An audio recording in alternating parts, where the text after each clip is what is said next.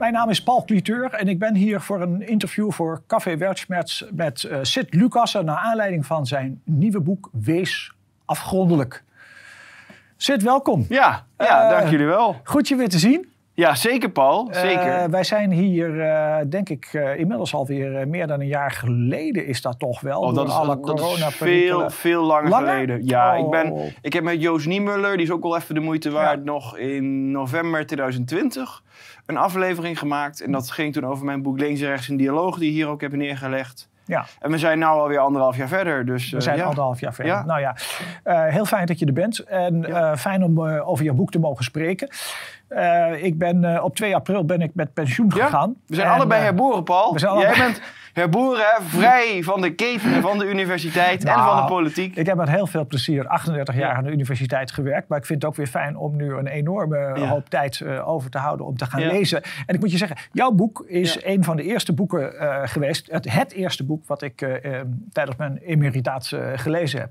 En ik, als ik zeg dat ik het gelezen heb, dan is het eigenlijk een understatement. Want ik heb het verslonden. ik, had het, ik had het werkelijk zo uit. Het is een, een stevige pil van, van 500 pagina's. Uh, maar het las heel gemakkelijk weg. Um, en wanneer ik dan zeg, uh, ja, gemakkelijk bedoel ik dat ik iedere keer weer uh, naar het boek getrokken werd.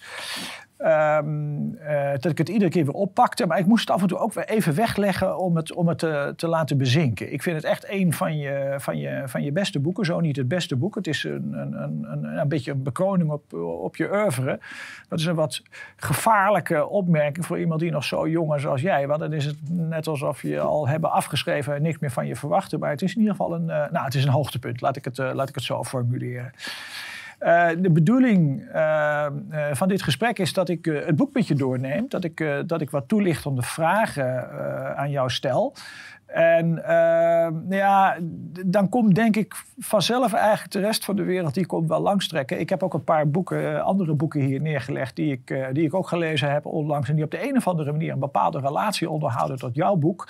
En nou, daar zou ik ook graag met je voor, voor in gesprek komen. Um, en dan te beginnen dit. Het, wees afgrondelijk emancipatie van de ondeugd uh, is de titel. Uh, ik zie voorin uh, eerder verschenen van Sint Lucas een links en rechts een dialoog. Dat hebben we daar liggen. Uh, nepnieuws en de Europese Unie, kerkgangers en zuilenbouwers, levenslust en doodsdrift, de democratie en haar media, avondland en identiteit. Jouw, jouw debuut, dacht ik toch? Dat is je eerste, ja. eerste ja. grote boek. En dan zijn er verder nog een aantal boeken waarin je hebt mee, meegewerkt. Op, ja. waar, je, waar, je, waar je in een zekere zin een, een, inspiratiebron voor was op de achtergrond. Zoals het boek over cultuurmarkt marxisme, wat ja. uh, dankzij jou een gold edition heeft. Ja, uh, zeker. Heeft Goed dat je dat nog even noemt. Ja. ja. Eh, diversiteit, identiteit en de culture wars, waar je ook aan hebt bijgedragen en ideeën voor hebt aangeleverd. maar dit is dus een, een, een monografie, een boek van, van jouzelf. Uh, je hebt al aardig wat uh, geschreven. Uh, ik, ik, heb al gezegd, een boek van 500 pagina's met een, een van de meest intrigerende dingen, ook met een register van landen en plaatsen. Dat, heb ik, nog, ik heb nog nooit een register ja. van landen en plaatsen in een boek gezien. Ja, dat nou is... ja, dat was een idee van de uitgever. Oh, dus uh, ja. Oké. Okay. Uh, ja, Aalten, waar, uh, was de ja. allereerste waar dat... dat, dat ligt in carna Dat carnaval wat... nee, wat... jij bedoelt Aalst. Oh, Aalst! Ja, oh. maar dat was in Vlaanderen. Oké. Okay. Ja. Nou, ik moet, we moeten snel weg bij... Want ik bak bij de geografisch, nee, bak ja, ik daar nee, weer helemaal niks nee, van. Een personenregister... Um, en dan verder uh, dingen. Sommige dingen herkende ik wel, omdat het stukken zijn, denk ik, die je eerder hebt uh, geschreven voor, voor TPO en de DDS en die, die waarschijnlijk bewerkt zijn.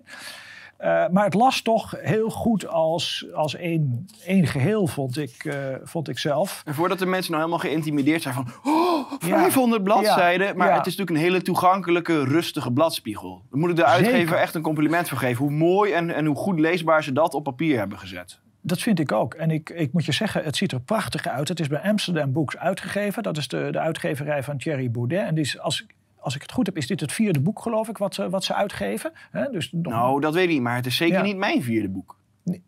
Nee. Niet, het is het eerste boek van jou bij, bij, bij, bij Amsterdam Boek. Maar het is dus van de uitgeverij Amsterdam Boeks is, is het volgens mij het vierde boek. Ik, dus het is een, uh, uitgegeven bij een, bij een uitgeverij die nog maar uh, recent bestaat. Maar ze, ze geven inderdaad voortreffelijk mooi uit. Dat is, uh, voordat mensen nou denken van, oh wat saai. Maar we gaan het ook nog hebben over Hiddema en over Floris van den Berg en over Kinniging. En we gaan nog over allerlei prikkelende onderwerpen hebben. We gaan het overal over hebben. Maar ik begin met een citaat als je dat goed vindt. En ik zal dat gaan voorlezen. Want ik denk eigenlijk dat die eh, pagina 11, daar staat iets waarvan ik dacht, ja, dat, dat geeft toch wel heel kernachtig waar dit, uh, weer, waar dit boek over gaat. Daar komt het, ik citeer.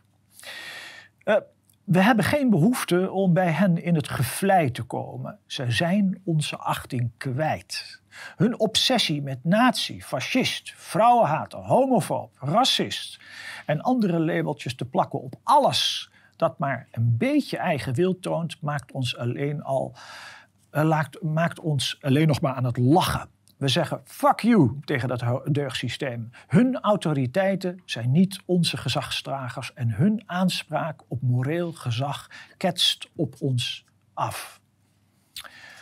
Oké, dan komen we al een aantal dingen komen we daaruit um, te weten. Jij uh, steekt een, uh, een, een, een, middelvinger op naar uh, de deugdcultuur, naar het deugen in zijn algemeenheid, naar, ik denk dat ik ook mag zeggen, het wokisme of de, de, de, de, de wokbeweging. En je bent zeer kritisch, zeer afwijzend over uh, al die etiketten, nazi, fascist, vrouwenhater, homofoob, die tegenwoordig gemakkelijk worden opgeplakt. Ja, maar, maar, maar, wil ik graag iets over zeggen. Voordat, voordat de lezer denkt, ja, maar dit is een anti-boek. We weten al, woke is kut, dat weten we allemaal al. Ga je dat nou nog een keer vertellen? Hè? Mhm. Nee. Wat mij eigenlijk om gaat, is een aantal gesprekken die ik heb gevoerd met gewoon mensen op de werkvloer, met kunstenaars. Je wil eigenlijk iets scheppen, iets maken, iets, iets creatiefs ontplooien.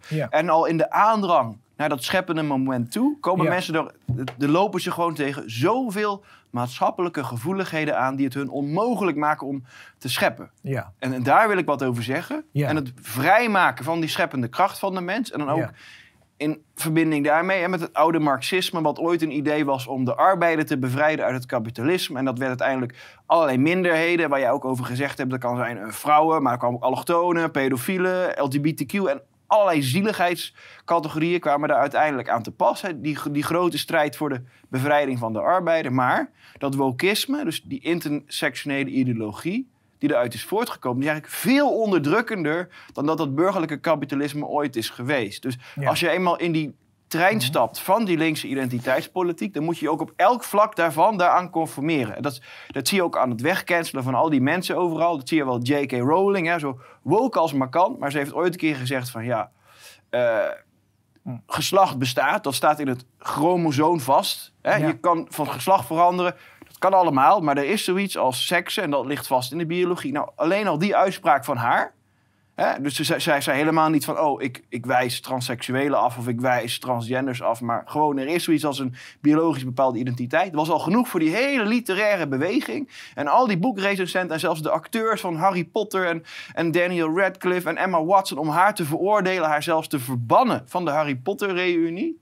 En nu wordt het ook gewoon opgeschreven. Ik las het laatst zelfs in de Power Limited van, ja, J.K. Rowling heeft ooit iets uh, transfoobs gezegd... zonder dat verder toe te lichten, in de context te plaatsen. Maar gewoon als een feit J.K. Rowling is transfoob. En dan rollen we verder naar de conclusie van het katerntje. Hè? Ja. Nou, eh, dat. Dat. En, en, en, en dat is veel beknellender dan dat het hele, waar het marxisme zich initieel tegen afzette, dus de, de, de, burgerlijke westerse cultuur, ooit is geweest. Dus, dus, dus het hele idee van de creativiteit van de mens bevrijden uit het kapitalisme, wat die marxist ooit wilde, is ontaard in iets compleet tegenovergesteld.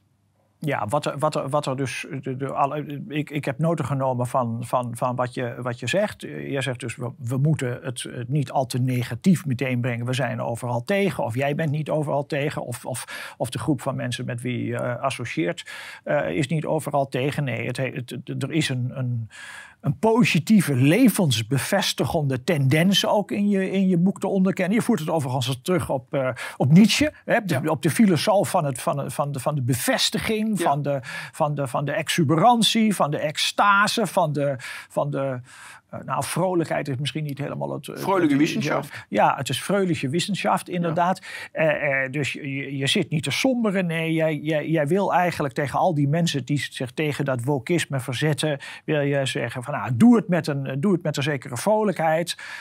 ook wel met een zekere strijdvaardigheid. Het is ook in die zin een strijdvaardig boek. dus je, je, je, je, je, tenminste zo heb ik het gelezen. En dat, dat sprong althans op mij ook heel duidelijk over. Ik dacht, ja, zit, heeft gelijk. Laten we ophouden met iedere keer uh, in onze schulp te kruipen en zeggen: Oh hemel, ik ben, uh, ik, ik ben een nazi genoemd. En nou moet ik gaan zeggen: Nou, volgens welke criteria dan? En voordat je het weet, zit je zo'n lijstje af te vinken. En denk ja. ja ja, nou, ik moet ook een beetje kriegen. Nou, misschien zit er toch wel een natie in mij. En maar dan zit jij al te verdedigen. En dan zit jij al te reageren. Van, uh, van, uh, en dan verlies je het initiatief. Dus je kan niet meer proactief vooruitwerken. Niet meer proactief vooruitdenken. Want je bent jezelf alleen maar aan het verdedigen. Mm. Tegen allemaal beschimpingen en, en, en insinuaties. Ja. Ja. En dat, Is dus, dat is dus het strijdplan Van, van de linkse kerk. Of van de deughegemonie. Ja, je voortdurend het defensief te houden. Je voortdurend moeten veranderen. En dat lukt dus ook. Want dan krijgen ze al die afsplitsingen van Vorm voor Democratie enzovoort. Al die mensen. Hoe? Het wordt toch wel heel spannend op de borrel. Hè? Ja. Ja. Dat. Ja. Oh, op verjaardag wordt me wel heel uh, vuur aan de schenen gelegd. Ja, het wordt wel eens even heel lastig om dat nog te verantwoorden tegenover de vrienden van mevrouw. En mijn ja. Ik heb het zelf ook meegemaakt hoor. Met, ja. Eh, nee, laten, laten we die, die, die, die, vorm voor democratie nog even uh, wegparkeren. Want daar wil ik nog wel met je op, op terugkomen. Maar het is natuurlijk ook een, want het is ook een, een, een veel bredere tendens.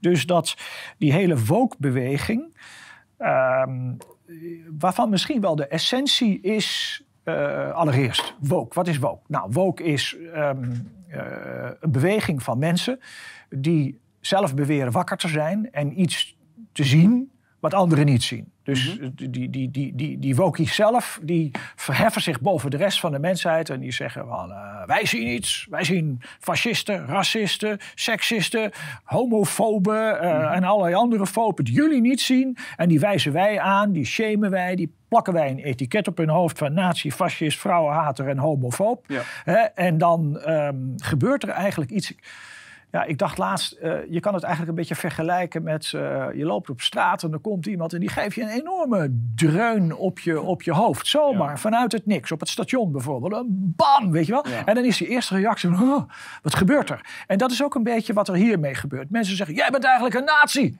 Ja. En dan is de eerste reactie, nou ja, je denkt, ja nee, waar, waar haal je dat vandaan, weet je wel? Je mensen zijn verbouwereerd. Ja. En... Um, als je dus weet dat die... Dat die, dat die ja, dan komen ze op die Achilleshiel van die christelijke reflex tot, tot zelfintrospectie. Van, ja. Oh, misschien zit er in mij wel een beetje Ja, misschien wel. Ja. Oh, misschien en dan ben ik ergens wel een beetje racistisch. En weet je wat het is? Ze gaan ook steeds verder. Hè? Want nu als je bijvoorbeeld uh, zwarte of Aziatische vrienden hebt... Ja, dan kan het ook token antiracisme zijn. Dus je moet steeds dieper gaan graven in, in, elk aspect van je interactieve menselijkheid... om die racistische accenten te ontginnen. En dat kan, kan, heel, kan ook veganisme kan erbij gehaald worden. En LGBTQ en alles kan erbij gehaald worden. Dat je op een gegeven moment elk facet van je mens zijn... wordt verdacht gemaakt en wordt onderwerp van ideologische scrutiny. Ja. En het zieke is dat ondertussen, terwijl dus dit hele culturele programma van deze identiteitspolitiek wordt uitgerold, dan hebben we allemaal discussies over racisme en transgenders en noem het allemaal op. Hè, en islamofobie. Maar tegelijkertijd, ja, de energierekening is onbetaalbaar. En je kan geen huis meer kopen. Huizen zijn onbetaalbaar, gemonopoliseerd. De grote investeringsmaatschappijen. Dus, dus dat hele, ja, die, die marxistische cultuurbeweging is een, is een unholy alliance aangegaan met juist dat groot kapitaal en, en die multinationals waar ze zich ooit tegen verzet hebben. Denk maar aan duurzame auto's, die worden gemaakt van materialen ja. door, die, Afrikaanse straatkindjes onder Chinees toezicht worden opgegraven ergens. Dat, dat, en dat is het zieke is. Dus dat, hoe meer we het gaan hebben over, oh, maar spanningen hè, in, in vriendschappen, in kennissen, in relaties over die is racistisch, die is homofoob, die is xenofoob, die is Poetin-lover.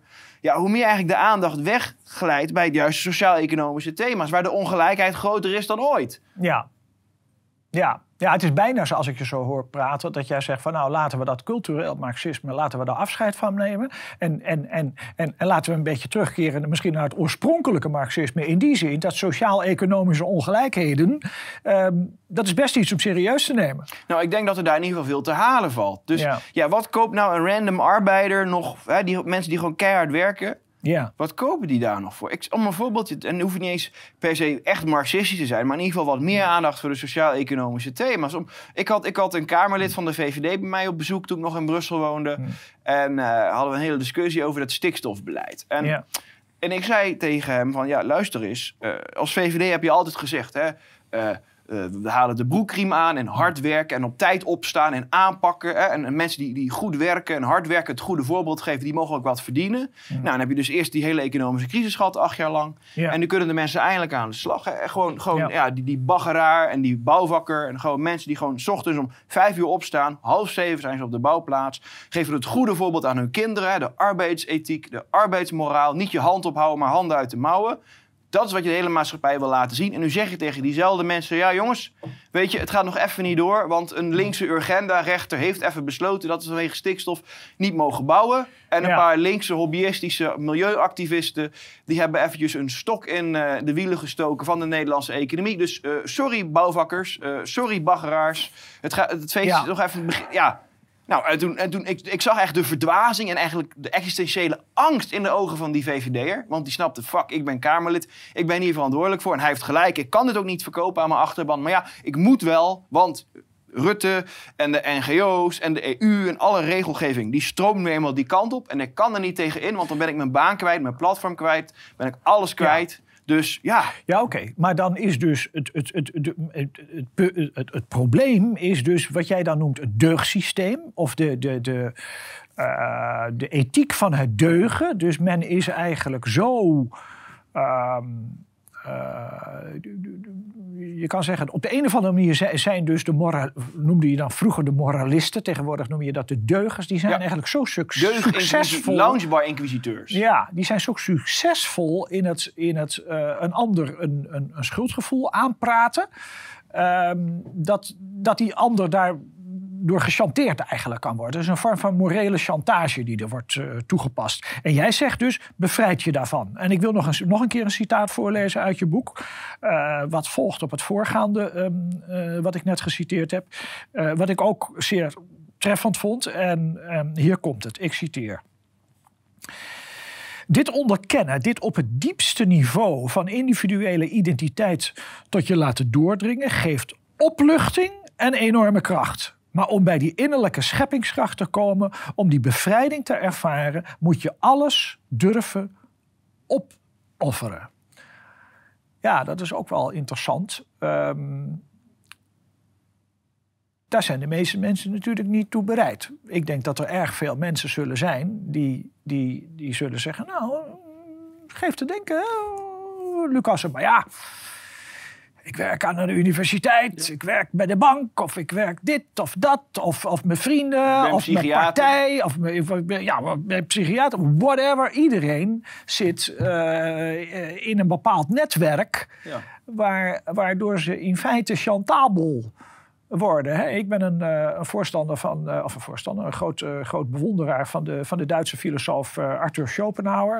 Oké. Okay. Nou. Ja, ja, erg veel. Sinds wanneer dan? Ja, eigenlijk vanaf het, uh, vanaf het begin. Okay. Eigenlijk toen ik in 1984. Nee, nou ja, toen ik in 1984 uh, aankwam aan de, aan de Universiteit van Leiden, toen, ja. toen las ik uh, über die Universiteitsfilosofie van Arthur Schopenhauer. Aha. En daarin geeft hij kritiek op de universiteit. Toen kwam ja. ik, toen ging ik net beginnen hè, aan de universiteit. Ja. En hij geeft kritiek op de universiteit. En hij zei, ja, je kan onafhankelijk denken, vrij denken aan een universiteit, vergeet het maar. Je moet eigenlijk, je, je, je, je raakt ingesnoerd in een bepaalde structuur. Ja. Uh, het vrije denken, daar moet je afstand van nemen. En in feite zijn werk is een enorme uh, uh, ja, lofrede op, op het vrije denken. Maar hij had een, een kapitaaltje. Ja, hij kon het zich veroorloven om. Ja. Zijn vader was dus een rijke handelaar. Ja, was een handelaar. En, die, en dus, hij, uh, die was, uh, dus, en dus hij heeft eigenlijk zijn hele leven heeft hij gerentenierd. Ja.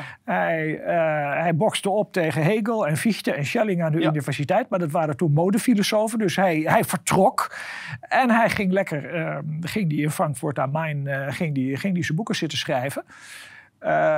en dat heeft mij in die tijd dat ik aan de universiteit heb gewerkt... en nogmaals, ik heb daar heel veel, heel veel plezier gehad... en ook heel veel ehm, erkenning mogen, mogen ondervinden. Maar het heeft, is altijd wel achter in mijn hoofd gebleven. Ik dacht, ja, ehm, daar zit iets in. Dus je, je, je, om, om helemaal vrij te kunnen schrijven en denken... moet je ook maatschappelijk en economisch... moet je, je moet het je kunnen veroorloven. En dat is natuurlijk voor de overgrote gedeelte van de mensen niet het geval. Die zitten, om het maar universiteit te hebben. Ja, ze hebben een bepaald onderwijsprogramma. Ze moeten uh, soms in het uh, ja, meest ongunstige geval zijn ze afhankelijk van de financiering van NWO. een organisatie die geld geeft wat, uh, wat je in de wacht moet slepen voordat je je onderzoek mag doen. Ja.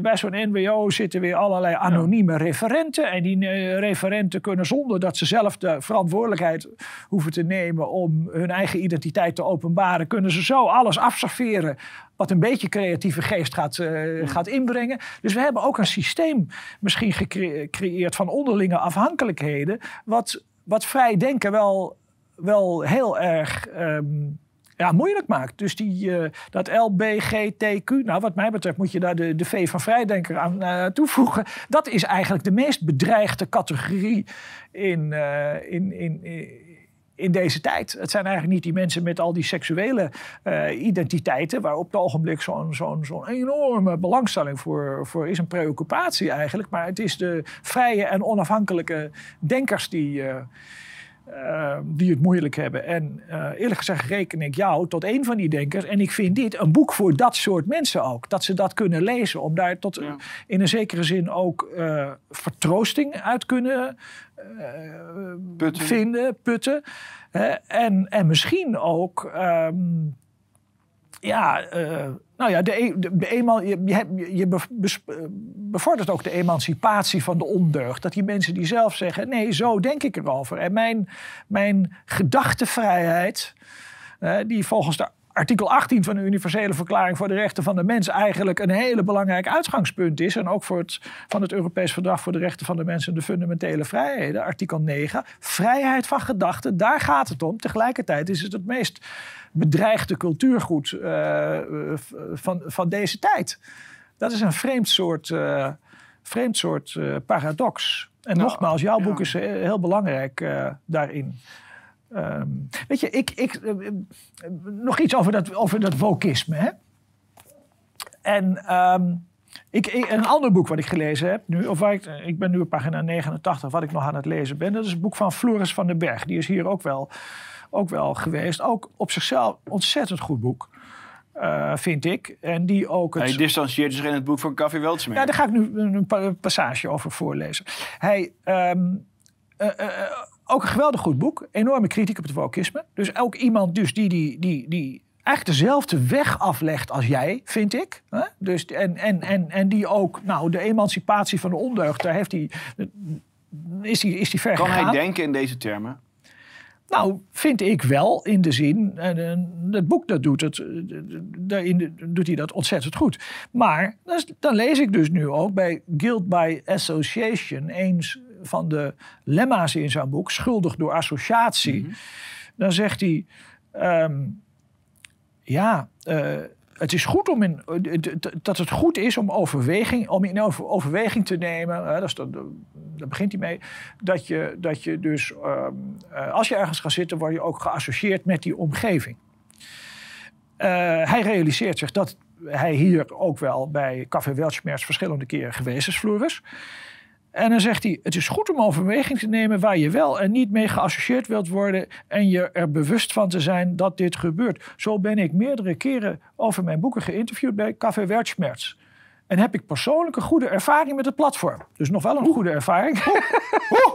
Dat dat er nog vooruit kan. Ja. Nou. Toen Weltsmerts helemaal losging met het, met het verstrekken van een podium aan een keur van half vergaren complotdenkers, heb ik ervan afgezien nieuwe interviews over mijn boeken op dat platform te geven. Oh, oké. Eh, wat gebeurt hier? Dat is interessant. Is dus iemand die gaat heel ver mee in vrijdenken. Die zit dus ook bij een vrijdenkers, uh, is ook aangesloten geweest, of, of nog steeds bij een vrijdenkersbeweging. Schrijft een nogmaals voortreffelijk boek, waarin hij blijk geeft van. Enig kritisch denkvermogen. Veel kritisch denkvermogen, net zoals jij. En, uh, maar tegelijkertijd uh, schrikt hij dan ook terug. En denk ik, oh, maar wacht even. Als ik dus ergens toch ga zitten waarin ik via die guild by association toch geassocieerd kan worden met anderen, dan, dan schrikt hij ineens terug. Dat, Verbaast dat je dan nog? Ja, verbaast me enorm. Nog steeds, na die boeken die we allemaal al gehad hebben. Zoals Kerkhouding, Zuilenbouwers, Levenslust en Doodsdrift. Uh, ja, nou, nou, het verbaast me wel. Het, het, en, en, en, dat, en, en ik moet je zeggen dat het me de hele tijd... en niet alleen uh, naar aanleiding van deze passage uit nogmaals... en ik herhaal dat weer, dat voortreffelijke boek van Floris van den Berg... verbaast het me. Maar ook wat je, wat je ziet rond Forum voor Democratie.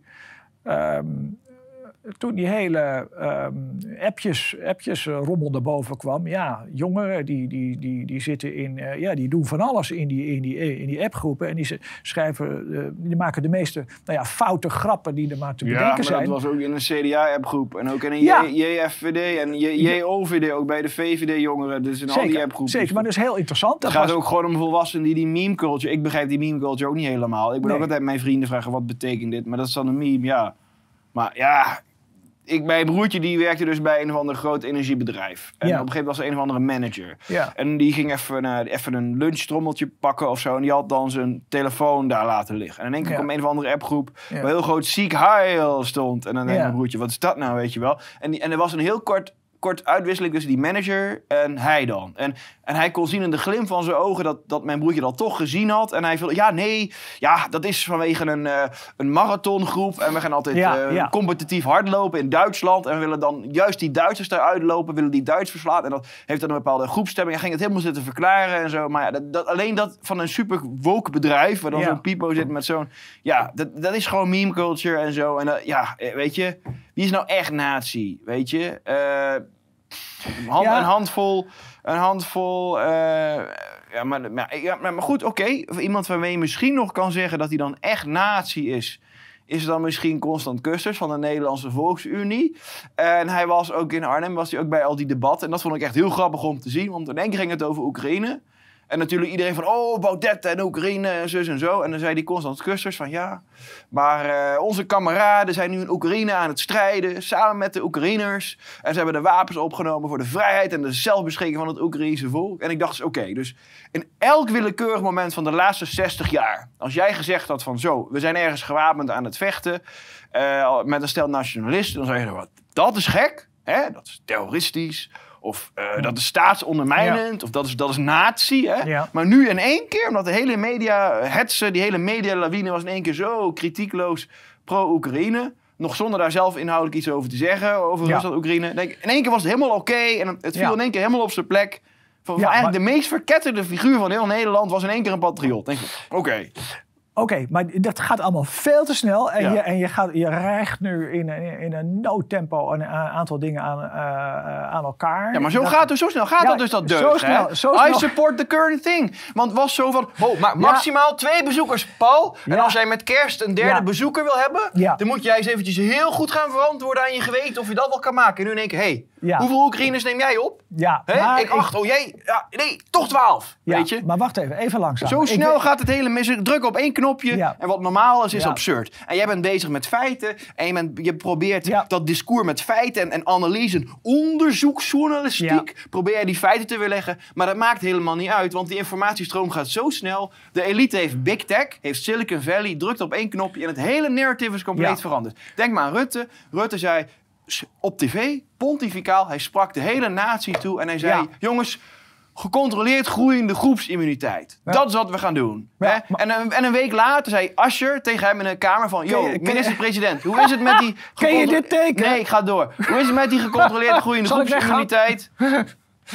Nee. En nee, Rutte ontkende gewoon, dat heb ik nooit gezegd, dat woord is nooit gevallen. Ik wil even terug Terwijl de hele natie dat had gezien. Dus je hebt niks meer aan feiten, aan argumenten, analyses. De leugen is genormaliseerd. de absurditeit wordt sneller gevalideerd dan dat de feiten die de absurditeit kunnen onthullen, gecommuniceerd kunnen worden. Ja, stop. Um, ik wil even terug naar het punt van die appjes. Uh, en het punt wat, uh, wat ik wil maken en wat ik aan je wil voorleggen is dit. Ja, sorry, ik ben gewoon zo gefrustreerd door, door, door, hoe iets zo absurd is, zo normaal kan worden. En, en dat, dat er geen enkele kracht meer is die dat kan beteugen. Jawel, maar, dat. Je moet, je, maar je moet het en hoe zinloos de waarheidsvinding is jawel, in, dat ook, licht. Ja, maar je moet het ook rustig analyseren om, eens te, om, om te kijken wat je eraan kan doen. En dat is je in ieder geval in je boek is dat heel goed, uh, vind ik, gelukt. Um, kijk, dus het gaat me even om die deugdcultuur. En, wat, wat, en, en hoe krachtig die deugdcultuur is. En, en ook uh, hoe, hoe politiek invloedrijk die deugdcultuur is. Hè? En dan ga ik dus weer even terug naar Forum voor Democratie. En dan begin ik dus met die, met die, met die appjes van die, uh, van, die, van, van die jongeren. In clubjes die nog niet eens voor zover ik dat dan begrepen heb, officieel gelieerd zijn aan Forum voor Democratie. Uh, niet aan de Tweede Kamerfractie, uh, niet aan de partij, uh, al helemaal niet aan de Eerste Kamerfractie. Hè, want, en zelfs dat, dat, dat, hele rumoer over die appjes heeft in feite ook die hele Eerste Kamerfractie bereikt op een gegeven moment. En met een soort van vertragend effect is daar ook de hele boel uit elkaar ge, gevallen. Hoe kan dat nou toch? En dat, dat vind ik toch wel heel. Um, fascinerend. Uh, kijk, in, in het recht is een uitgangspunt. Uh, ja, je bent verantwoordelijk voor wat je zelf zegt. Dus als jij uh, iets, iets appt, uh, dan ben jij daarvoor verantwoordelijk en niemand anders. Maar die guilt by association, waar, ik net dus, uh, waar we net iets uh, over hebben voorgelezen uit het boek van Floris van den Berg, dat is nee, nee, nee, het gaat dus niet alleen om jou, maar ook wat, iets wat op de een of andere manier met jou in verband kan worden gebracht via een heel uh, schimmig proces van, van, as, maar van ik denk associaties. Dat iedereen dat weet en ik denk dat iedereen die dit programma kijkt dat toch ook al weet. Als je, anders kom je toch niet uit bij Café Weltsmers, let's face it. Eigenlijk zijn we toch alleen maar bezig met preaching to the converted? Nou ja, maar dan, dan, dan hoop ik toch dat dit gesprek ook iets, iets, ver, uh, iets, iets, iets, iets verder uh, kan komen dan alleen ja. de mensen die het al weten. Ik hoop uiteindelijk toch nog, maar, ja, maar misschien is het heel naïef. Ik hoop, ik hoop ook dat de traditionele Nederlandse journalistiek toch denkt van, oh ja klopt dat nou eigenlijk wel? Dat wij ja, als, als, als iets.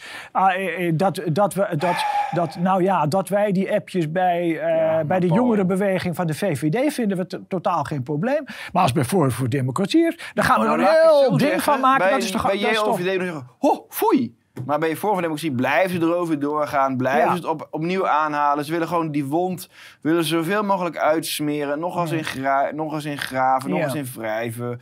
En, en al kijk je naar voor voor democratie, dan kan je natuurlijk discussie voeren. Oh, Baudet. Is elk appje van Baudet handig geweest? Is elk tweetje van Baudet wel zo slim geweest? Daar kan je allemaal over discussiëren. Maar ja. bottom line is, drie punten waarvan, waarvan echt gewoon, ja... Uh, nou, ten eerste, hij wordt dus aangepakt dat hij vrouwenhater zou zijn en vrouwenonvriendelijk zou zijn. Op basis van uitspraken van een romanpersonage van de roman Voorwaardelijke Liefde, die hij dan geschreven heeft. En dan krijg je bijvoorbeeld iemand van de linkse kerk met die Francisco van Jolen, die gewoon daarbij gewoon geluidsopnames zijn van een vrouw die door hem is aangerand. En die van Jolen komt overal mee weg. Het glijdt van hem af. Hij krijgt zijn subsidie. Hij kan, hij kan mij straffeloos, kan die mij in een artikel, kan die racist noemen. Vervolgens zegt Udo Kelderman, die, die zelf Aziatisch uiterlijk heeft. Die zegt tegen die, die van Jolen van... Uh, yo, maar uh, sorry, maar ik was paranimf op uh, promotie van SIT. Hoe kun jij nou zeggen dat hij racist is? Waar bezit u dat? Heeft u een bron? Zegt hij, ja, nee, maar hij staat voor FVD op een kieslijst. En dat is een racistische partij, dus SIT is ook een racist. Weet je? Ja, ja en, en dat wordt maar gewoon de media ingepompt. Alsof dat normaal is. En, en, en, en ja, je komt een meisje tegen en het is leuk en het klikt. En je komt een gesprekje tegen. En vervolgens gaat ze je googlen en dan komt dat in één keer naar boven. Alsof dat de waarheid is. Zie je daar nou maar eens tegen te verdedigen, Paul. Mm. Dat is gewoon niet mogelijk. En alleen op basis van uitspraken van een romanpersonage. En dat wordt zo diep uitgemeten. En, en iemand die gewoon ja. echt aantoonbaar wijven zit te verkrachten. Om even oneerbiedig ja. te zeggen. Die krijgt, die krijgt geld van de staat. Om, om zijn, en dat komt op nummer 1 in Google searches. Dat is toch ziek? Ja. Dat is toch ziek? Mm. En dan heb ik het nog niet eens over die rechtszaak. Ja, die Forum voor Democratie heeft aangespannen tegen YouTube. Want Baudet zei in een speech in de Tweede Kamer, dus in het hoogste orgaan van onze nationale democratie, zei hij van ja, het hele vaccinatieverhaal, hè, het zal niet bij één vaccinatie blijven, er komen er meerdere achteraan. Nou, toen zei YouTube, ja, dat is nepnieuws, dat is desinformatie, dus hoppakee, we gooien jouw speech eraf. Nou, dus dan krijgen die kijkers, die kunnen niet eens meer zien wat er in de Tweede Kamer gediscussieerd dan wordt. Nou, dat is gewoon ondermijning van de nationale democratie. Ja. En hij, Baudet kreeg ook gewoon gelijk. Hè? Dus zelfs Rosanne Hertzberger, super links-liberale NRC-columnist, ja. zelfs zij zei in haar column Baudet heeft gelijk gekregen. Ja, alsnog is het weggecensureerd als een gedongen feit. Hè? Nou, ook die, die rechtszaak dan, die ze dan tegen Buitenhof hebben gevoerd. Nou, daar zei dus een of andere presentatrice zei in dat Buitenhof-programma, ook van de NPO, hè, zei ja, Baudet is racistisch en xenofoob. Met een fragmentje dat verwees naar een discussie met Rob van D66. In dat debat, wat daar wat ze daar lieten zien, daar zei Baudet letterlijk... ja, wij sluiten helemaal niemand uit. Hè. Onze partij Vorm voor Democratie is open voor iedereen. Zij deed letterlijk in dat debat. En alsnog koppelt die presentatrice daar dan een samenvatting aan... van FVD is racistisch, fascistisch, xenofoob enzovoorts. Nou, hij wil dat laten rectificeren, spant de zaak aan. Volgens zegt de rechter van ja, maar dat is persvrijheid. Ja, uh, luister eens, je hebt als NPO wel de plicht om te informeren. In die zin, als iedereen helemaal moet gaan graven naar wat vindt FVD. Oh, op YouTube is het niet meer te zien. Oh, op de NPO zijn alleen maar vertekende standpunten te vinden. Ja, ja dan heb je geen publiek debat meer. Dus waarom zou jij als democraat... je gaat dus uit van een publiek debat met een premisse van rationeel debat. Je informeert kiezers. Mensen komen wel overwogen tot de politieke stellingname. Als die hele premissen gewoon wegvallen... waarom zou je dan de premisse van de democratie nog accepteren? Ja. Um, en let wel, dit zijn dus allemaal voorbeelden die je kan discussiëren over dat appje van Baudet, dat tweetje van hoe had ik niet gedaan, kan je allemaal over discussiëren, eens. Maar de dingen die echt de, de publieke perceptie aan het bepalen zijn, dat is allemaal gebaseerd op pure misinformatie. En pure manipulatie, zoals we zojuist hebben aangetoond. Ja, maar wat ik niet zo goed begrijp, dat is... Ik, ik vind dat je nu enorm uh, uh, doordraaft. Uh, ja, en omdat me zo hoog zit, Paul. Ja, Kijk, ik kan gewoon een boterham niet meer verdienen in deze luister, maatschappij. dat boek is veel... Daar had je het zelf al over. Dat boek is veel rustiger. In de zin dat daar, dus 500 pagina's, geef je daar heel, uh, ontrafel je argumenten. Uh, vind ik op een, uh, op een overtuigende manier dat je het hier nu brengt. Ja, het zal allemaal. Maar... Weet je wat het is? Ik zal gewoon eerlijk zeggen, mensen, als jullie hier waarde aan hechten, wat ik doe, ik probeer stem te geven aan, mensen die mij appen, mij mailen, zeggen: Zit, ik ben blij dat je dit soort dingen in je boeken en je columns vertelt en opschrijft. Dat is toch goed? Aan de, aan, de, aan, de, kerstkalkoen kan ik het niet meer vertellen, want ik heb geheid ruzie met mijn dochter en mijn vrouw. Hè? Dat soort appjes krijg ik de hele dag door. Maar mm. dit zijn allemaal mensen die laag op de sociaal-maatschappelijke ladder staan. Weet je, kijk, mm. ik ja, voor mij het financieel, het eindpunt is nu echt in zicht. Ik, ik had wat geld gespaard voor mijn huwelijk, wat uiteindelijk niet is doorgegaan. En uh, ik bouw ook geen niks. Geen, jij hebt nog geluk gehad dat je nog een pensioen kon opbouwen en nog verzekerd was. Ja, ja ik, ik kan dat niet eens meer opbrengen, jongens. Dus voor mij begint het doek nu echt, het einde begint gewoon echt in zicht te komen. En uh, als jullie willen dat ik hiermee doorga, dan, uh, dan zullen jullie mij moeten steunen via Backme. Anders valt het doek gewoon. Het is, ja. Dat punt zijn we nu gewoon. Dus als ik een beetje opgefokt en een beetje overkookt overkom, ja, fuck it, Paul. Fuck it. Dat is, hoe, dat is hoe ik me voel. Ik ga mijn emotie niet meer verbergen. Het is absurd wat ik al zei over die groepsimmuniteit verhaal 1 en verhaal 2, ze drukken op de knop en het complete narratief is veranderd. En elke kritisch, ja maar, ja, maar was het verhaal niet eerst anders? Hè? Mm. Waarom, waarom eerst, je mag geen tweede bezoeker ontvangen op kerst en nou moeten we in één keer allemaal Oekraïners opnemen? Hoe kan het nou, hoe kan het nou zijn dat, dat er geen huizen meer zijn? We kunnen niet bijbouwen vanwege stikstof. Er is een gigantisch woningtekort. Toch moeten we al die Afghanen opvangen. En ook nog eens een keer al die Oekraïners. Iedereen die er maar een kritische noot over pruttelt, wordt gewoon helemaal gecanceld. Ja, mhm. dat maakt me zo ziek. Het is toch een waarheidsvinding. Kijk, Paul, en, ja. en, nu, en dit wil ik echt even gezegd hebben. Dit zal ik ook heel rustig en, en beheerst formuleren. Ja, doe je best. Wat ik nu ga zeggen is dit. Hè? Dus je hebt dus eigenlijk Hannah Arendt. En nu heb je dan die Matthias de Smet met zijn boek over totalitarisme. En ja. ja, kijk, we zijn gewoon op het punt aanbeland dat gemiddeld iemand is niet meer op zoek naar waarheid. En die denkt gewoon waarheid, onwaarheid, leugen, rechtschapenheid. Het zal allemaal wel. Hmm. Vertel mij gewoon wat het heersende narratief is. Of dat nou is op klimaat of migratie of EU, het maakt niet uit. Vertel mij wat het heersende narratief is. Ik buig mij wel mee. En niet omdat de waarheid of de onwaarheid mij daarvan interesseert, maar gewoon omdat ik wil overleven. Ik wil het hoofd boven water kunnen hmm. houden. Ik wil mijn rekening kunnen betalen. Ik wil geen gezeik met de bank, met mijn werkgever. Ik wil, niet, ik wil niet kapot gemaakt worden. Dus waarheid, onwaarheid, die vraag laat ik los. Vertel mij wat het heersende narratief is. Ik buig wel mee met dat nieuwe narratief. En dat is nu de gemiddelde houding van de gemiddelde burger in, in Europa geworden. En dan heeft het ook geen zin meer om daar met onderzoeksjournalistiek tegenaan te willen boksen. Maar heeft het zin dan om dit boek te lezen? Want uiteindelijk. Eh, eh uiteindelijk ben je dan toch een beetje een idealist tegen willen en dank. Ja, in de zin van je zegt, ja. dus je, je, zegt eigenlijk twee dingen.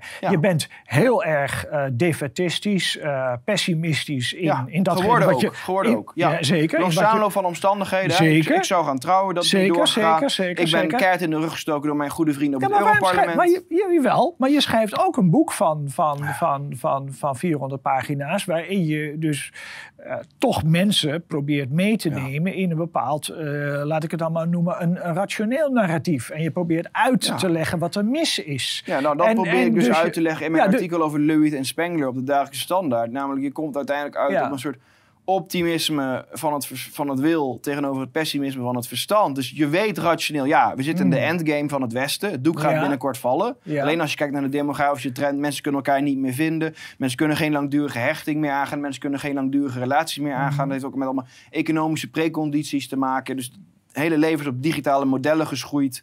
Die zo economisch zijn gestructureerd om mee te dijnen met de 24-uurs-economie. En dan krijg je het alles als, als Tinder en alle manieren om mensen te ontmoeten. En, en Airbnb. En, en, je werkt voor Amazon, waar je niet eens meer een, een fysieke werkgever te spreken krijgt. Alles gaat via app-contact, ook via Airbnb. Alles is gecompartimentaliseerd, gerobotiseerd. Gewoon, gewoon, gewoon het bindend sociaal cement is overal uit weg. Dus, dus, dus ja, dus die, die westen gaat vallen. Mm. Dat is een kwestie van tijd.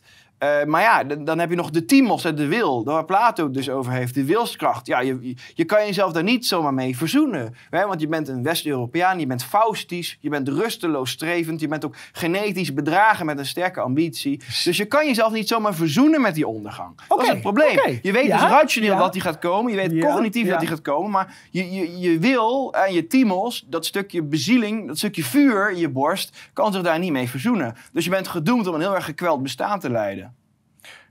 Jawel, maar de, de, de, er is ook dus, of je noemt het ook erg de conatus, hè, er is ook eigenlijk een, Spinoza, een begrip van Spinoza, maar er is dus ook nog wel um, een, een, een, wat is het, een drang of een, of een levenslust uh, die jou er telkens ook weer toe brengt. Ook om, uh, bijvoorbeeld in dit boek, hè, dus links, links en rechts een dialoog. Hè, je, kijk, als dat allemaal waar is, dat het allemaal helemaal geen zin heeft. Dat is ook hebben, zo. Hebben de, al deze gesprekken maar ook geen zin Maar daarom zijn het ook, ook, ook gewoon Schweinhoenden. Zo'n Andreas Kouwenhoofd van de NRC. Zit interessant, nieuw boek. We gaan zitten, Arnhem spreken af. Nou, twee uur lang met die man zitten, zitten lunchen. En twee uur lang alles uitgelegd. FVD, zus en VVD zo. En dit en links, rechts een dialoog. En wees afgrondelijk. Gemeentepolitiek, hele politiek, geopolitiek, ook alles besproken. Mhm. Tot en met dating, relaties. Alles besproken. Seksualiteit. Hele wereldbeeld helemaal door. En uiteindelijk doet hij er geen rol mee. Helemaal niks. En dan stuur ik hem nog vijf appjes van... Uh, yo, uh, waar blijft het? En hij zei... Ja, ik stuur nog wel de...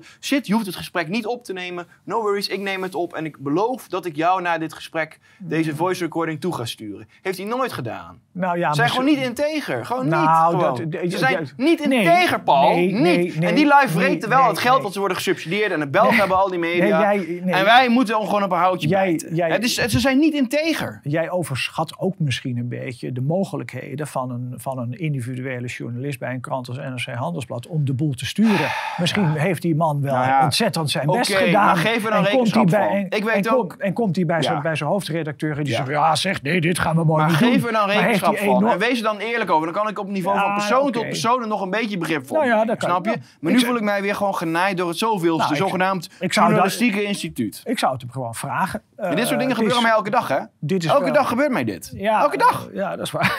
ik, neem dit, ik noem dit toevallig uit, maar dit is gewoon mijn leven, ziet er elke dag zo uit. Blij gemaakt worden met dode mussen, katten in, in mm. zakken en sigaren uit eigen doos. Elke dag. Ja. Ja, en hoe, hoe ik het dan, ja, misschien heb je gelijk. Misschien ben ik alles wat ik heb meegemaakt, en dat is heel veel, ben ik misschien wel zo, zo aangevreten. Zo, misschien is mijn ziel daar wel, wel zo door gecorrumpeerd, of nou niet gecorrumpeerd, want ik ben natuurlijk wel integer en ik sta wel voor mijn punt. Maar mm.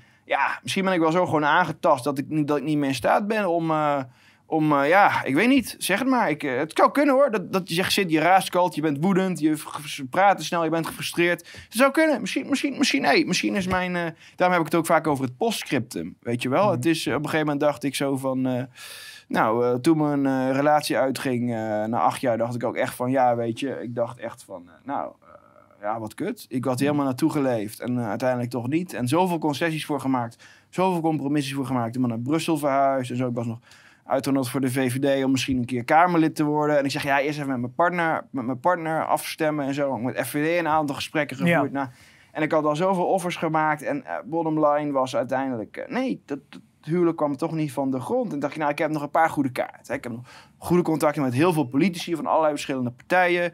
Ik heb nog mijn columnistenschap, ik heb nog mijn vaste lezers. Ik ben sportief, ik ben goed in vorm, ik heb nog goede gezondheid. En mijn familie houdt van me, dus ik geef het nog een jaar de tijd, weet je. En dan maak je echt de balans, we hebben het allemaal zin gehad. En dat, het ene na het andere begon allemaal uit te vallen, joh. Het was, uh, in, in, mijn naaste familie had iemand psychische issues. Maar het was ook mijn oma uh, stervend bed. En het was op een gegeven moment ook uh, keert in de rug gestoken door Rob Roos, Rob Roken en Dirk-Jan Epping. En dit boek, hè, wat jij hier hebt liggen, hè. Lezeres en dialoog. Nou, uh, Rob Roken zei: Zit, ik wilde graag dit boek bij jou bestellen. En ik wil graag een extra exemplaar, want dan geef ik mijn vriendin dat cadeau voor de kerst. En ook Dirk en Epic en ook Rob Roos, alle drie hebben ze bij mij dit boek gekocht. Hè? Echt, echt, echt vier dagen voordat Baudet zei: Oh, ik treed af. Oh, wacht, ik treed toch niet af. En hadden ze dit boek bij mij besteld. Hè? Nou, is er dan sprake van een ideologisch conflict? Is er dan sprake van, van, van wrijving? Nee. Iedereen was happy, iedereen was vrienden. Uh, en in één keer moest ik oprotten. Want uh, ja, uh, Annabel en Joost hadden op het fluitje geblazen. En er komt een afsplitsing en die en die gaan wel mee en die en die niet. En ik werd van een of ander moment voor de bus geflikkerd. En toen kreeg ik ook nog keel, keelinfecties, die maar, waardoor ik drie dagen niet meer kon drinken. En ik moest geopereerd worden. Mijn gezondheid begon ook allemaal uit te wankelen. Mm. En ik begon gewoon alles te wankelen. En ik ben ook weer TPO-kaart gebackstapt. Waar, waar ik duizenden gratis... Oké, af en toe kreeg ik een keer 100 euro van Bert Brussen in de maand voor een column. Mm. Af en toe kon ik even crowdfunden. Dat was allemaal heel welkom geweest al die jaren. Maar ik heb duizenden keihard gewerkt voor columns bij TPO. En ze hebben me keihard in gebackstabbed. Oké, maar je, je... En, en, en, wat hou je nou uiteindelijk over? Niks, dit, niks, ja. Nou, dit. Ja, nou, en dan kan, ja, nou, ja, goed. Dit hou je uiteindelijk over. Ja, maybe. En, en, dit hou je uiteindelijk over. Goed, en, en, een beetje zelf medelijden. Maar ja, goed, ik weet ook wel, je moet jezelf weer beetpakken en weer verder gaan. Uh, Daar zit niks anders op. Maar ja, ja. je denkt toch wel eens, is er een soort stip op de horizon, maar het wordt alleen maar donkerder. Dus van de Oekraïne-waanzin en de corona-waanzin en, en ja, weet je... Wat vind je van de Oekraïne? Ja, triest. Uh, nationalisten zijn helemaal pro-Oekraïne. Maar als de, als de Oekraïnse nationalisten hun zin krijgen en Oekraïne komt bij de EU, ja. dan wordt het ook gewoon gelijk geschakeld en geïncorporeerd mm. in de EU. Uh, eh, ja, woke cultuur. Dus, hoe, hoe, hoe, kan het zijn dus dat uh, Forum voor Democratie is voortgekomen uit, die, uit dat verzet tegen dat associatieverdrag in 2016? Ja. Ik moet je heel eerlijk zeggen dat ik toen in 2016 uh, ik hield er me niet mee bezig. Uh, Oekraïne was voor mij een ver land. En, ja, uh, ja ik, ik, dacht, nou ja, ja ik weet niet waar ik me wel mee bezig hield, maar in ieder geval niet hiermee. Ja, ik geloof toen toch nog een beetje met, met, met Charlie Hebdo. Dat was in 2015. Ja. En, uh, en, en ik was heel erg bezig. Ik heb toen het boek geschreven, uh, Theoterrorism versus Freedom of Speech. Dus die jihadistische aanslag op de vrijheid van meningsuiting. Ja. Uh, ik was bezig met, met, die, met, die, met, die, met, die, met, met, met, met de waarde van die cartoons, de betekenis van die cartoons, het belang van die cartoons. Maar ik was niet bezig met het associatieverdrag. Dan komt dus dat ze daar gaat FVD uh, eh, samen met andere organisaties uh, keren ze zich tegen dat associatieverdrag. En, maar nu zie ik hoe belangrijk dat eigenlijk was. Ja. Want nu, en nu zie ik, en, en, en, en dat is dus eigenlijk heel uh, um, helder. Als, als wij dus, dus in. in uh, en, en het is ongelooflijk, dat vind ik wel, dat als je dus nu kijkt naar die mainstream media, wat ze allemaal te vertellen hebben, dan is het eigenlijk allemaal um, uh, tegen, te, tegen Rusland, tegen de Russische Federatie. Er is geen enkele kritische noot over hoe zij zichzelf hebben opgesteld. In, en, en tot op de dag van. Weet je wat het ook is, Paul? Eigenlijk alleen Jaap de Hoofd die zegt: ja, misschien was het toch niet zo'n goed idee. En die, andere dude, die uitbreiding. Toch, waar je het over had. Van dat Clintel, of niet Clintel, die Pipo, Rob de Wijk. Ja, die. Ja, ja die zegt dus nu in een heel laat stadium, zegt hij eigenlijk, ja, wees je er wel van, van bewust dat een, een, een, een, een, een oorlog beginnen uh, met zo'n uh, kernwapenmacht, dat is, dat is misschien toch iets om even iets langer bij stil te staan. ja. ja, maar weet je wat het is, Paul? En ik, ik, ik ga je nou onder, ik wil niet te lang over Rusland hebben. Ik laat me nog anderhalve minuut nou, uh, nou, het is misschien ook wel goed om het juist even over iets inhoudelijks te hebben en niet alleen jouw zielen roerselen te belichten, hoe, hoe interessant ook. En, en, en hoeveel belangstelling ik daar ook voor heb. nee, kijk, het is ook goed om te, om te zien, en dat heeft ook met je boek te maken, dus dat er ehm, eh, ook op dit punt dus een mainstream narratief wordt ontrold in, die, in die media.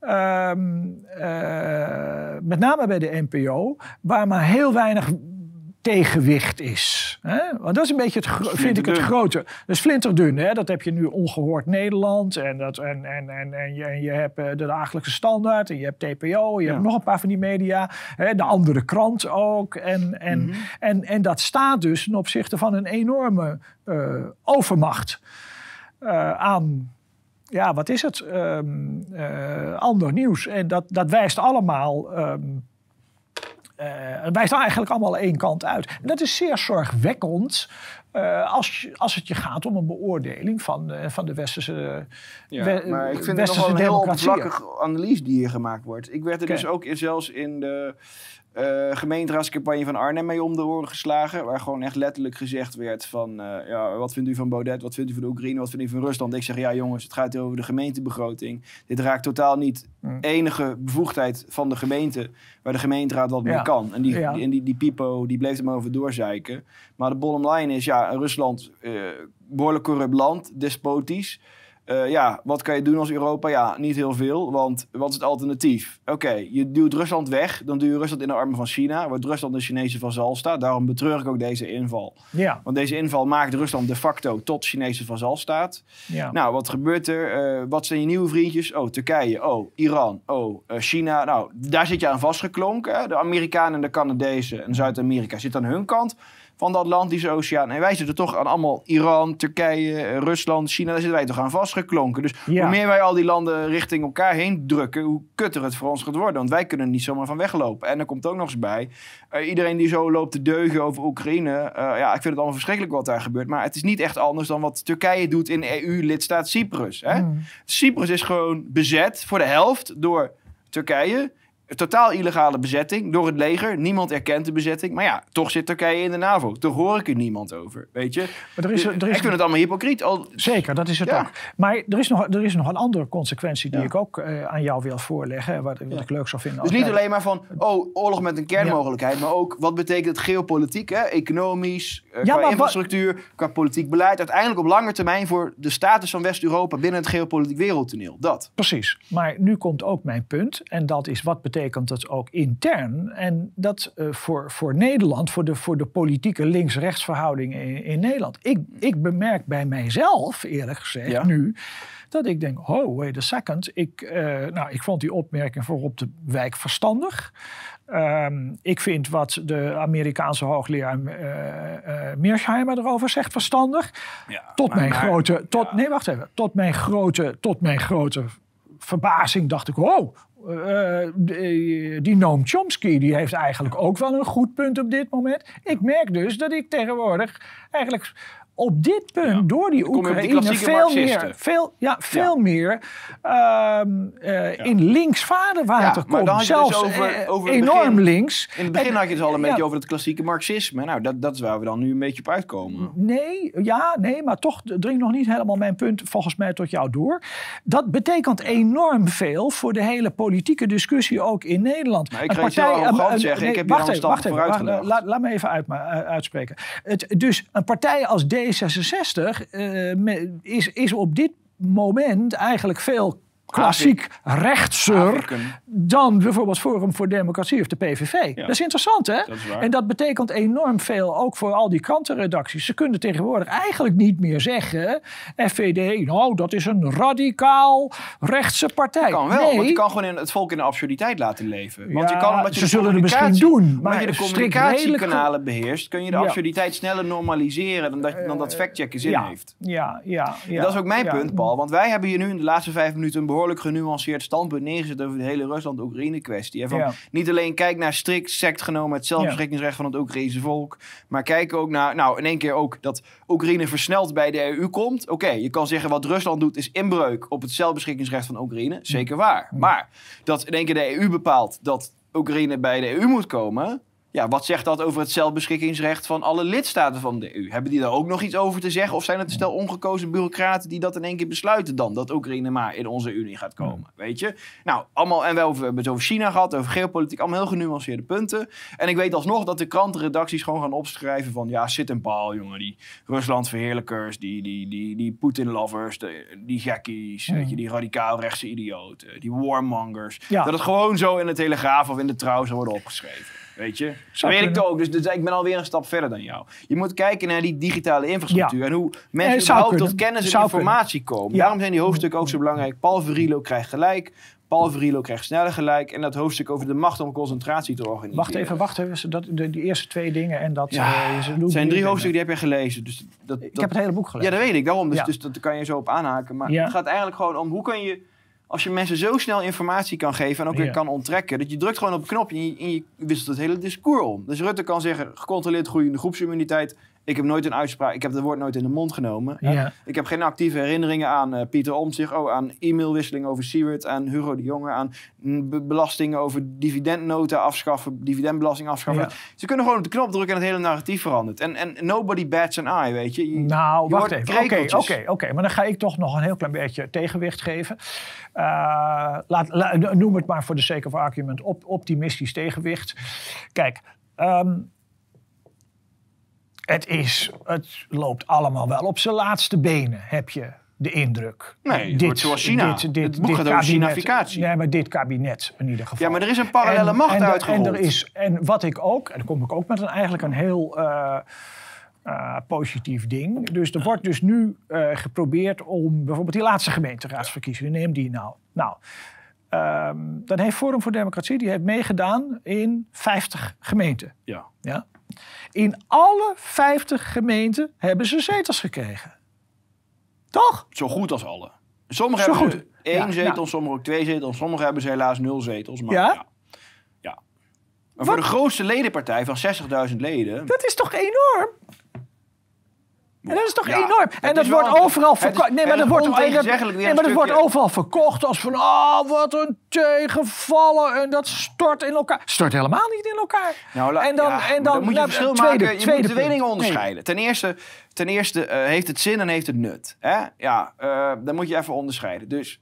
Nou, op de lange termijn heeft dat op misschien... Op de lange termijn, ja. ja. Hè? Dus uh, ga, je, ga, je, ga, je, ga je collegeakkoorden kunnen bijsturen? Nee. Nee, je gaat geen enkele motie, geen enkele... Nee, maar misschien in de hele vier regeringstermijnen ga je misschien één keer een inhoudelijk puntje over... Van, oh, een privacyprotocol voor de, voor, voor de, ja. voor de, voor, of, of iets van de WOZ. Of misschien ga je over precario belasting. Nou, op zo'n puntje zou je misschien nog eens een keer een, een, een duwtje kunnen geven. Maar bottom line is, je gaat, geen enkel collegeakkoord ga je ook maar één letter aan veranderen. Bottom nee. line. Dus in die zin uh, heeft het impact, mwah, ja. mwah. Maar mensen al mij haten dat ik het zeg, maar fuck it, ik spreek nou helemaal de waarheid. Maar, maar de realiteit is al, je bouwt aan een zeil, je bouwt aan een stukje community, je kan weer een paar mensen Laatste van een inkomen, van een Laatste inkomen punt. Hebben we, nog, hebben we het nog niet over gehad. Het laatste punt kunnen we nog doen. We nee, maar we hebben nog kinderen pakken en dat, en dat christendomverhaal wil je ook nog pakken, toch? Dat is wel even belangrijk, denk ik. Nou goed, ja. leid het maar in. Ja, christendomverhaal. Laten we dat maar pakken. Ja. ja. Want op een gegeven moment hadden wij hier... Christendomverhaal en een nieuwe zaal. Ja, dus christendomverhaal. Hadden wij dus hier een discussie over. En op een gegeven moment kwam het een beetje over enerzijds uh, Hegel en Marx. En anderzijds een beetje Paulus tegenover Romulus. Ja.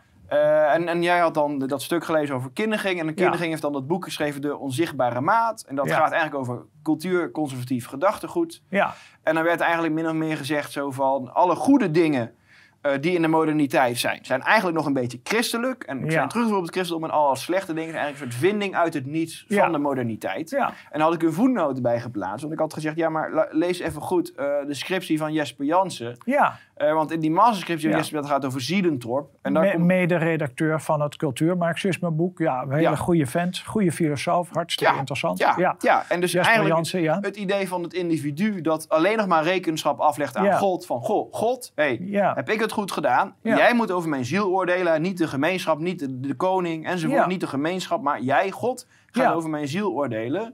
Dat snijdt de mens eigenlijk los uit een stukje ordo. Hè? En met ordo is dan eigenlijk de soort natuurlijke, eh, de natuurlijke heelheid, natuurlijke mhm. synchronie van organische verbanden en connecties. En dat je deel bent van een stad en dat je deel bent van een natie en een gezin en een stam. En dat je allemaal mhm. je plicht en je rol hebt. Binnen, Zeker in de oudheid, hè, de, de Grieks-Romeinse tijd, is dat enorm belangrijk. Romeinse soldaten en, en Griekse staatsburgers enzovoort. Je allemaal wel omschreven uh, rollen, met alles wat daarbij, plichten en zo. En op een gegeven moment komt dan het christendom en zegt... ja, maar jongens, los van die sociale rol die je te vervullen hebt... ben je nog iets anders. Namelijk een unieke ziel die los van al het aardse... los van al het stoffelijke, door God zal worden gewogen. En als je dat heel erg doortrekt, dan kom je uiteindelijk ook tot het punt... Uh, dat als je dat individu gaat emanciperen, dat je uiteindelijk ook op een soort atomisme kan, kan uitkomen. Hè, waarbij dat individu heel absoluut alles zelf wil bepalen. Dus je gaat dan ook geen banden meer aan met anderen die niet zelf gekozen zijn. Hè, je kan dus elk moment zeggen: Oké, ik stap weg uit mijn huwelijk. Oké, ik breng mijn kind naar een weeshuis. Uh, je kan dus op elk moment: Oké, uh, ik heb niks meer met mijn nazistaat. Met mijn vaderland heb ik niks meer. Je kan je overal uit losmaken. Uh, uiteindelijk dat het alleen puur dat individueel bewustzijn is wat nog telt. Hè?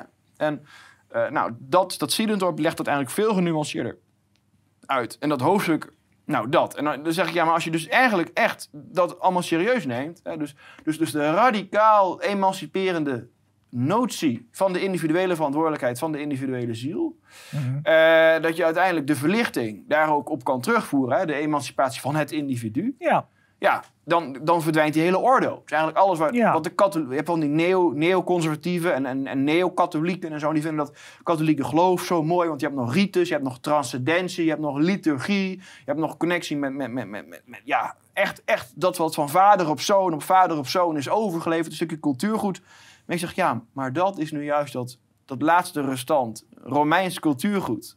Wat is gesublimeerd ja. in het christendom als eigenlijk cultuurinstituut. Hè? Het gaat helemaal niet meer om de individuele mens die tot Jezus komt. En die alleen nog maar tot Jezus zijn verantwoording aflegt. Hè? Want dat is waar het eigenlijk om gaat, volg Paulus en zo. Maar dan gaat het eigenlijk steeds meer om, ja, toch die, die, die, je deel voelen van iets overtreffends. Je deel voelen van een groter geheel. Nou ja, en juist dat verdwijnt als je die christelijke boodschap maar consequent genoeg navolgt. En dan valt eigenlijk dat hele boek van kinderen gewoon kaart in duigen. Ja, uh, uh, uh, ja ik begrijp wat je bedoelt, inderdaad. Um, ik denk dat wat bij critici van de, van de verlichting, en dat is hij toch overwegend, hoewel het is, het is, het is moeilijk hoor. Zeker dat boek De Onzichtbare Maat. Ja, ja, ja, nee, dat is inderdaad waar. Wat je bij cultuurchristenen nog wel eens, wel eens ziet, dat is dat ze, dat ze dus de, ze hebben de neiging om, om alle goede dingen uh, van de verlichting eventueel terug te voeren op het christendom. Ja. En alle kwade dingen die willen ze vaak, graag bij de verlichting laten liggen. Ja. dat, dat, is, dat is wat er gebeurt. En ik, ik, kan, ik kan me heel goed voorstellen dus, uh, dat jij op dat punt ook het boek van Kinderen um, uh, bekritiseert. uiteindelijk blijf jij natuurlijk ook gewoon een humanist en een verlichtingsdenker, denk ik. Ja. ja. Nog iets over die, die, die, die nieuwe zuil. nog over dat wild, maar niet te wild. Hè? Wil je nog iets daar iets over zeggen? Dat wild, maar niet te wild. Um, ja, dat kunnen we doen naar aanleiding van de, dat kunnen we doen naar aanleiding van, de, van de nieuwe zuil. Kijk, wat jij eh, net, en dat heb je met veel passie gedaan, uh, ook, net, ook net weer, um, kunt uit, uitdraagt, dat is toch dat we in een hele um, desperate situatie zitten. Zowel wat de media betreft, wat de samenleving betreft, wat de staat, wat de cultuur betreft. En um, jij hebt al enkele jaren geleden het voorstel gedaan: we moeten een emancipatie hebben uh, nou ja, niet alleen, we moeten ons niet alleen uh, emanciperen van de ondeugd, maar we moeten ook als, als groep emanciperen van de heersende cultuur. En, een, en, een, en, het, en het, het inrichten of het oprichten van een nieuwe zuil is daarvoor uh, het antwoord. dus je kiest voor een Kuiperiaanse strategie, zou je kunnen zeggen. Abraham Kuiper, ja. En, dus um, Hans van der Brevaart, noteer even in zicht ja, ja. Dit, even dit punt van Abraham ja. Kuiper. Ja, ja dat is Dan krijgt de SGP'er het ook onder ogen. Ja, ja, heel, heel, goed. Ehm, uh, nou, misschien moeten we daarmee afsluiten. Uh, kun je dat dus nog eens wat, wat, wat, wat, uh, wat meer gestalte geven? Want veel mensen zeggen, nou, zeilverzuiling, dat hebben we toch gehad. En, en, en dat ja. moeten we niet weer hebben. En wat, wat krijgen we nou? Dan gaat Lucas dat weer, weer voorstellen. Dat zal niet onmiddellijk zal dat, zal dat gevolgd worden. Ja, maar dan heb ik toch zoiets, Paul. Daar heb ik al met Esther van Venema al, al vier jaar geleden een aantal gesprekken over gevoerd. Ook bij Café Weltsmerts en ook met een aantal politici in Vlaanderen. En dan zou ik toch echt liever teruggaan naar dat wild, maar niet te wild. Dan zou ik daar toch liever iets... Uh... Nou, nou, dan komen we uh, dus op Hiddema, Floris van den Berg, okay. Kinniging, ja, boer-burgerbeweging. Niet te veel, want we zijn... We zijn ja, maar, maar, maar, uh, drie minuutjes. Drie ja, oké, ga je gang. Nou, die hebben dus allemaal gemeen. Ze willen een beetje wild zijn. De grenzen van het debat willen ze aftasten, maar ja. ze willen niet te wild zijn. Hè? Ja. En dat te wild wat dat dan is, dat laten zij door de vijand bepalen. En dus conformeren ze zich aan externe parameters. Ja. Ze laten dus de grenzen van wat nog wel en niet acceptabel is, laten ze bepalen door mensen die eigenlijk het verkeerde met hen voor hebben. Nou, de antithese daarop, dat is in mijn boek opgeschreven. Dat is dat intrinsiek valideren, ja. dat autonoom valideren. Zeker. Je bepaalt je eigen waarde, je eigen standaard. Je bepaalt zelf, dit vind ik mooi, dit vind ik waardevol in het leven. Ja. Nou, en dan zie je bijvoorbeeld in de Tweede Kamer, zie je dus Joost Eerdmans, die als het puntje bij het paaltje komt, kan die toch niet stemmen tegen Hugo de Jonge. Terwijl Hugo de Jonge over die Siewer deal heeft hij al die documenten gewoon zwart gelakt, heeft hij via zijn privé-mail verstuurd. Gewoon de, grondwettelijke parlementaire controle van het parlement compleet overschreden. Puntje bij het paaltje komt Eerdmans durft er dus niet tegen in te gaan. Nou, dus zelfs niet als het kabinet de parameters van de rechtsstaat overtreedt, hmm. dan nog durven die zogenaamde ja, braaf rechtse critici durven niet hun eigen parameters te valideren. Hè? Nee. Nou, dus dat. Dus, oftewel, het kartel komt dus weg met een stichtingsdaden en de oppositie komt daar niet mee weg. En daarmee bedoel ik ja. uh, dat ze dus steeds voorbij de wet gaan om een stukje bevoegdheid te creëren die er eerst niet is. Hè, denk maar aan uh, militaire inlichtingendienst die in één keer gegevens gaan verzamelen over oppositiepolitici en maatschappelijke activisten zonder dat er enige wettelijke instructie toe is. Ja. Maar ook bijvoorbeeld Rutte die, die toch tekent voor de EU-schuldenunie, terwijl een schuldenunie ingaat tegen de, tegen de wetten van de EU zelf, maar ook, ook zojuist, hè, zoals Pepijn van Houwelingen, die in één keer, hoewel hij een grondwettelijk recht heeft op informatie, besluit een of ander commissietje in één keer dat hij geen Kamervragen meer beantwoord krijgt. Ook dat voorbeeld van Hugo de Jonge, hè, gewoon, gewoon documenten dichtlakken en via je privé-mail sturen, dat het ook allemaal geaccepteerd. Dus er zijn voortdurend wetten aan het vestigen buiten de grenzen van de wet. Ja. Hè? ja. Nou, eh, dus, wat, nou, en, en diezelfde mensen hebben ook het geweldsmonopolie aan hun kant. Dus steeds doen ze, ze gaan steeds iets verder dan dat ze eigenlijk mogen. En ze wachten tot ze worden teruggefloten, maar dat terugfluiten, dat gebeurt maar niet. En wie daar wel iets kritisch over zegt, die wordt met het geweldsmonopolie gewoon geïntimideerd door de staat. Hè? Ja. Nou, dat. Dus, nou, uh, bottom line is... Ehm, eh, dus de stichtingsdaad wordt beoordeeld vanuit hetzelfde kader waaruit de stichtingsdaad voortkomt. En dat is de scheppende conatus, oftewel dat wat zonder precedent is, wordt tegelijk gevestigd met de ethiek die dat wat zonder precedent is, evalueert. En dus primeert het scheppen, de scheppende daad, primeert boven dat becommentariëren. Mm Dus als je iets maakt, als je iets schept, al is het een betonnen muurtje, al is het een bakstenen muurtje, een standbeeld, dat zal altijd blijven staan. En we kunnen daar comments over schrijven van, oh, dat is fascistisch, oh, dat is xenofoob. Oh, ja, je, hebt een mooi, je hebt een mooie afbeelding van het muurtje staan in het boek. Even opzoeken of ik dat even kan. Uh... Ja, zoek dat maar even op. Maar je kan er dus labeltjes op plakken. Oh, dat is fascistisch, dat is vrouwenvriendelijk, dat is islamofoob. Maar die, al die labeltjes kunnen alleen maar begrepen worden binnen het discours van dat moment. Binnen de talkshows, binnen de columns. Maar op een dag is het allemaal verdwenen. Niemand begrijpt die termen meer. Niemand herinnert zich nog die maatschappelijke context waarbinnen dat bestond. En alleen dat beeld bestaat nog. Dat muurtje, dat staat nog. En dus heb jij als je schept uiteindelijk het laatste woord. En niet al die commentators. En niet al die critici en die ja. labeltjesplakkers. Maar schep iets, maak iets, zet iets moois neer. Bouw een kasteel. Dat heeft eeuwigheidswaarde. Dat beklijft dat. Iedereen loopt langs dat kasteel, loopt langs dat muurtje. Ze worden er toch door beïnvloed. het, het, je beïnvloedt de fysieke omgeving met je scheppingsdaad. Ze kunnen daar niet doorheen lopen alsof het lucht is. En het drukt zich dan toch af op de voorbijganger. Nou, zit, ik vind dat heel mooi. Nee, ik, oh. ik, kan het niet vinden, dat plaatje. Oh. En dat doet er ook niet toe. Ja, ja nou, ik maar, weet toch waar dat eh, zit. Dat, doet er ook niet. Kunnen we toch niet laten zien op de... Op de Maar je hebt, je hebt een paar mooie eh, afsluitende zinnen gemaakt. Ja, maar dat doet me wel wat. Ehm, want dat heb ik gevonden hier. Zo, want mijn vader heeft dat... Ik, kan, ik zal het wel even laten zien. Mijn vader heeft dat gemaakt. Ik zal het even laten zien aan de camera. Zo, hier. Even kijken of ik dat scherp in beeld kan krijgen. kijken. Nou, ja, nou, in ieder geval, je kan een beetje de contouren van het huis zien en van het muurtje. En dat heeft mijn vader ooit gemaakt. En altijd als wij gaan wandelen komen we langs dat muurtje. En mijn vader, toen hij dat maakte, was hij jonger dan ik vandaag ben. En hij heeft één dag keihard gewerkt om dat muurtje te bouwen, weet je. En, ik, en, zo kom ik toch uit bij mijn punt. Hè. Onthoud altijd je roots, hè. eerbiedig je wortels. En wie schept heeft het laatste woord. En als je scheppingsdrang hebt, hè, als je, maak het. Zet iets neer, produceer het, maak kunst, maak iets fysieks. En laat je vooral niet tegenhouden door alle maatschappelijke gevoeligheden. En tot slot, wat we ook niet moeten vergeten, Paul, is het event. 28 april, hè, via Eventbrite. Ik heb op een aantal sociale media heb ik een event met Paul in Arnhem. Gaan wij het boek gaan we bespreken. Kom er allemaal naartoe. En als laatste punt, steun mij via BackMe. Het is harder nodig dan ooit. al, al, die politieke vrienden, waar zijn ze allemaal? Ik heb u nodig, de lezers, de kijkers, de mensen die genieten van mijn columns. www.sitlucassen.backme.org. Het is meer nodig dan ooit. En Paul, super bedankt voor dit gesprek. Uh, dankjewel. Uh, uh, ik ben niet iemand van de muurtjes, maar van de boeken. En uh, wij hebben vandaag over dit boek gesproken. Als je echt opstapelt, heel, dan heb je toch een soort van bakstenen muurtje. Zo is dat. En dat, daar gaan we vandaag mee beginnen. Dankjewel wel voor dit gesprek. Dankjewel, Paul.